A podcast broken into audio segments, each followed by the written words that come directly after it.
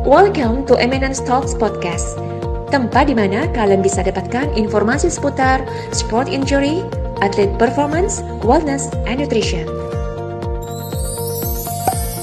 Let's talk with Eminence. Hari ini saya akan sedikit membahas tentang masalah movement layers ya. Uh, saya nggak tahu terjemahannya dalam bahasa Indonesia. Ini sebetulnya uh, sangat penting buat uh, teman-teman uh, praktisi gerak ya, mau uh, instruktur fitness ya uh, uh, instruktur uh, gerak yang lain ya senam aerobik kemudian uh, yoga pilates dan lain sebagainya. Jadi uh, saya akan sedikit menjelaskan tentang uh, movement layer. Yang pertama tentu saja sebelum kita uh, punya klien dan lain sebagainya adalah yang perlu kita screening adalah dia dia tidak sakit artinya dia sehat ya sehat dalam arti dalam hal ini juga secara neuromuskular muskuloskeletal itu nggak ada yang sakit ya no pain gitu kan. Uh, semuanya nggak ada uh, keluhan nyeri dan lain sebagainya. Tetapi biasanya ya uh, kalau memang ada masalah-masalah tertentu ya ini harus harus uh, diperbaiki dulu gitu loh. Jadi nggak bisa uh, lari ke level berikutnya gitu. Tetapi uh, ini yang sedikit saya akan uh, update adalah bahwa meskipun misalnya klien kita sudah sehat, sebetulnya nggak bisa langsung levelnya masuknya ke uh, fitness level ya dengan memberikan loading, repetition untuk meningkatkan kapasitas gitu. Ini ada di tengah nih sebetulnya yang menurut saya juga penting sih sebetulnya harus kita uh, uh, jadi perhatian. Apakah itu? Ya ini adalah yang dibilang dengan uh, fungsi ya. Uh, ini adalah fungsi ya atau fungsional. Ya mungkin teman-teman pernah dengar gitu uh, di Jakarta sendiri beberapa orang tuh sudah tersertifikasi sebagai functional movement screening ya. Mereka ada yang uh, berasal dari science maupun dari uh, teman-teman dari uh, fisioterapi dan lain sebagainya fungsi ini penting banget gitu kan buat saya sebelum masuk ke level berikutnya ya. Sebelum masuk ke level fitness apalagi masuk ke kompleks movement. Karena di sini yang dinilai adalah tentang kualitas gerak ya. Kualitas gerak motor kontrol gitu kan uh, tentang compensation pattern dan lain sebagainya Para praktisi functional movement screening yang sudah tersertifikat, biasanya mereka melakukan screening uh, eh, FMS itu. Dari situ mereka akan ketahuan. Um, ada beberapa baterai test yang dilakukan sama mereka. Kalau uh, teman-teman penasaran dengan tahu, coba teman-teman screening apakah itu yang namanya functional movement screening. Ya ini penting. Kenapa?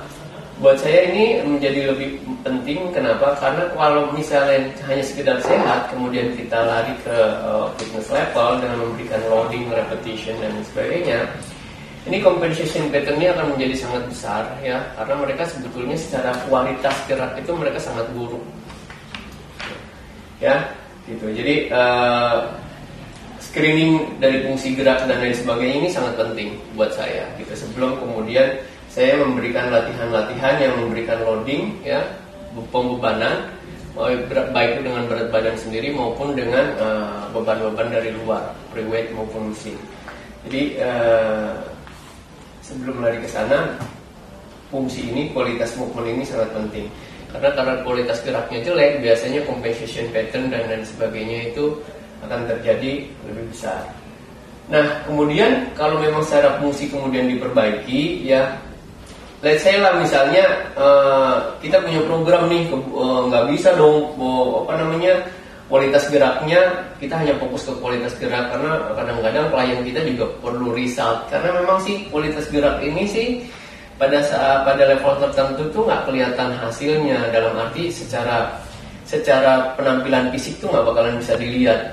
Karena ternyata banyak dari uh, klien kita yang penampilan fisiknya sudah cukup baik misalnya dia perutnya six pack, tangannya sudah uh, terbentuk bicep, tricep dan lain sebagainya latissimus. Tetapi secara kualitas gerak ketika dilakukan tes ternyata mereka tidak punya kemampuan untuk melakukan uh, fungsi gerak itu dengan baik. Ya. Nah, maksud saya nggak harus melulu misalnya kualitas geraknya itu Jadi maksud saya sekarang adalah bahwa pada saat kita melakukan latihan apa pun, uh, saya ingin teman-teman aware terhadap uh, fungsional ini gitu dalam arti uh, jangan cuma fokus ngomongin tentang loading, repetisi, kemudian uh, pembebanan dan lain sebagainya, tetapi harus diperhatikan adalah kualitas gerak mereka itu cukup baik atau enggak gitu ya. Ada kompensasi atau enggak gitu ya.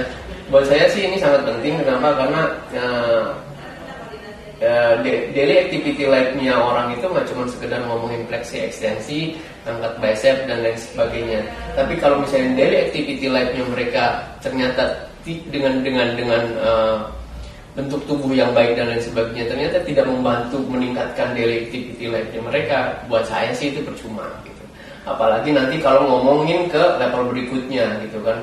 Karena saya adalah sebagai strength and conditioning coach ini juga sangat penting kenapa? Karena nanti kalau ngomongin sekarang masuk ke level berikutnya setelah fitness loading dan capacity kemudian ngomongin tentang ke complex movement. Complex movement ini ya ini uh, ini lebih lebih lebih uh, harus jadi perhatian. Kenapa? Karena di sini geraknya nggak cuma sekedar ngomongin fleksi ekstensi misalnya di tungkai ya kemudian di lengan dan lain sebagainya. Tetapi bagaimana caranya di sini sudah bicara tentang tentang uh, mobility dan stability ya. Di mana bagaimana caranya gitu? Lower extremity bisa generate force kemudian si core itu jadi stabilizer stabil, stabilizernya kemudian dia transfer force-nya dari uh, lower extremity ke upper extremity. Contohnya misalnya seorang pemain tenis gitu kan dia sebelum melakukan serve pasti dia harus generate force dari mulai dari kaki ya dengan kaki lompatan dan sebagainya si core sebagai stabilizernya kemudian kemudian gerakan lengan ayunan dan lain sebagainya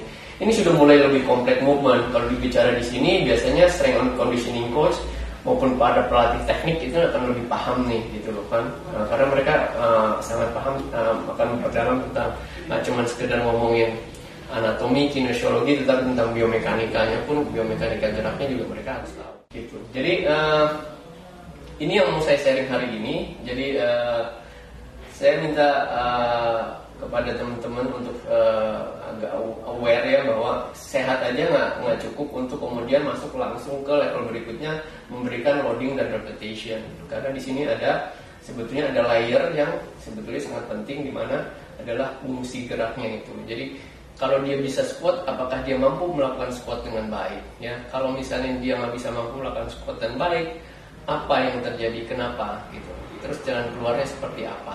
Gitu.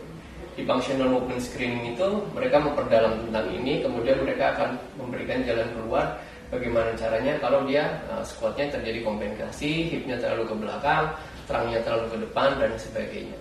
Ya, gitu.